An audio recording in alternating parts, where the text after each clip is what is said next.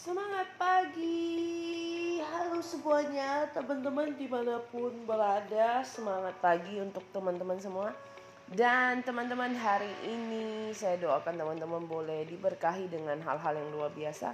Tidak terasa di minggu ini ada the last week for us in March ya Di bulan Maret. Dan teman-teman uh, tantangan di tahun 2022 adalah target saya untuk benar-benar belajar bahasa Inggris dengan maksimal supaya saya bisa mulai melatih diri untuk berbicara lebih baik lagi.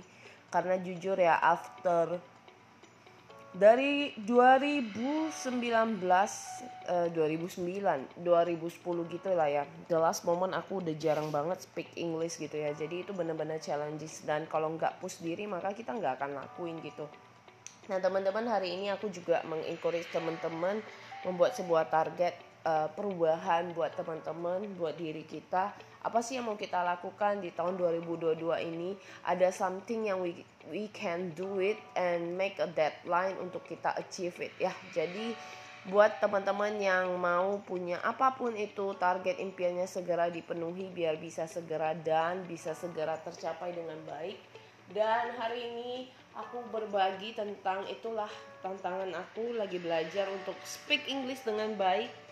Uh, sebenarnya dengar itu lebih enak ya teman-teman. Tapi untuk bicara itu need time dan bagaimana untuk pronunciationnya itu sih pronounnya, kemudian uh, grammarnya, vocabnya itu yang menjadi tantangan.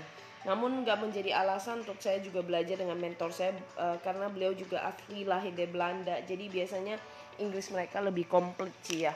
Jadi kita tahu mana yang perlu diperbaiki lebih detail. So buat teman-teman, ayo semangat buat satu komitmen teman-teman, target teman-teman untuk bisa di-achieve di tahun 2022 ini. Semoga di 9 bulan ke depan kita bisa berjuang sama-sama melewati 2022 dan do something yang luar biasa buat orang di sekitar kita dan khususnya buat diri kita. Semangat pagi.